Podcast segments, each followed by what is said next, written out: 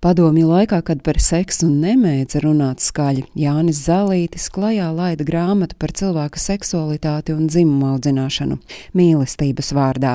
Tā izraisīja milzu ažiotāžu, kļūstot par īstu dišpārdokli. Kaut kas tāds padomju grāmatnīcās vēl nebija redzēts.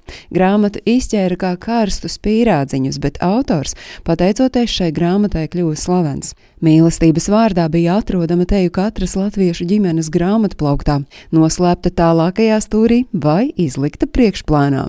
Jāatzīst, vēlāk šīs pašas grāmatas dēļ autors krita varas nežēlistībā. Grāmatas otro izdevumu papildināja zīmējumu ar seksa pozām, ko cenzūra atzina par pornogrāfiju. Pašu grāmatu izņēma no pārdošanas, iznīcināja, bet autoram aizliedza lasīt lekcijas vai publicēties. Bet pasaulē Jānis zālītes nāca dzimtā, kuras vīriešiem esot piemitušas suģestijas spējas. Arī vietu, kur 1933. gada 12. maijā piedzimis Valkas rajona Brantu pagastu, mēdz dēvēt par vietu, kur gāru pacilā teiksmaina senatne un pilskalni. Puikas gados Jāņa tuvākais cilvēks bijis vectēvs, mācītāja palīgs, kurš vadījis dievkalpojumus vietējā draudzē. Vectēvs pratis suģestēt un dievkalpojumu apmeklētājus ievedis transā. Tāpēc vēlākā dzīvē zālītis atklājot savas hipnologa spējas, tās piedēvējas iedzimtībai un vectēvu saucis par savu pirmo skolotāju. Tēva tēvs Allenis bija viens no pēdējiem hernhūtiešiem Latvijā, kurš ļaudīm teicis, ka mēs visi meklējam vienu dārgumu - mīlestību. To aiz auss licis arī mazais Jānis, kurš kara laikā pusaudzis būdams izglābis savu mammu, nošaujot padomju armijas karēvi, kurš vispirms nogalinājis veco mammu un tad jau grasījies ķerties klāt Jāņa mammai.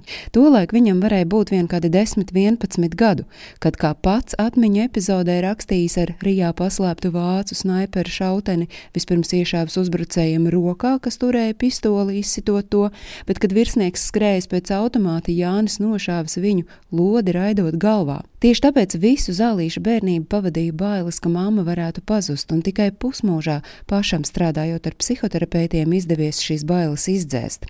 1949. gadā ģimene izsūtīja, un neraugoties uz smagajiem apstākļiem izsūtījumā, Jānis studēja. Tomskas medicīnas institūtā ķirurģiju un psihoterapiju, apgūstot arī hipnozi. Neraugoties uz to, ka psihoterapijas radikālākā metode hipnoze nebija populāra mediķu vidū, Jānis Zalītis dedzīgi pievērsās paša vārdiem sakot nievātajai un pat aizliegtajai mācībai. Studenti lekcijās esot ieveduši sevi transā un zināšanas pašas esot ierakstījušās smadzenēs, reizēm hipnoterapiju izmantojuši nerātnām lietām. Paradoxāli, ka nākamais seksa guru pats nevainību zaudēja 27 gadu vecumā.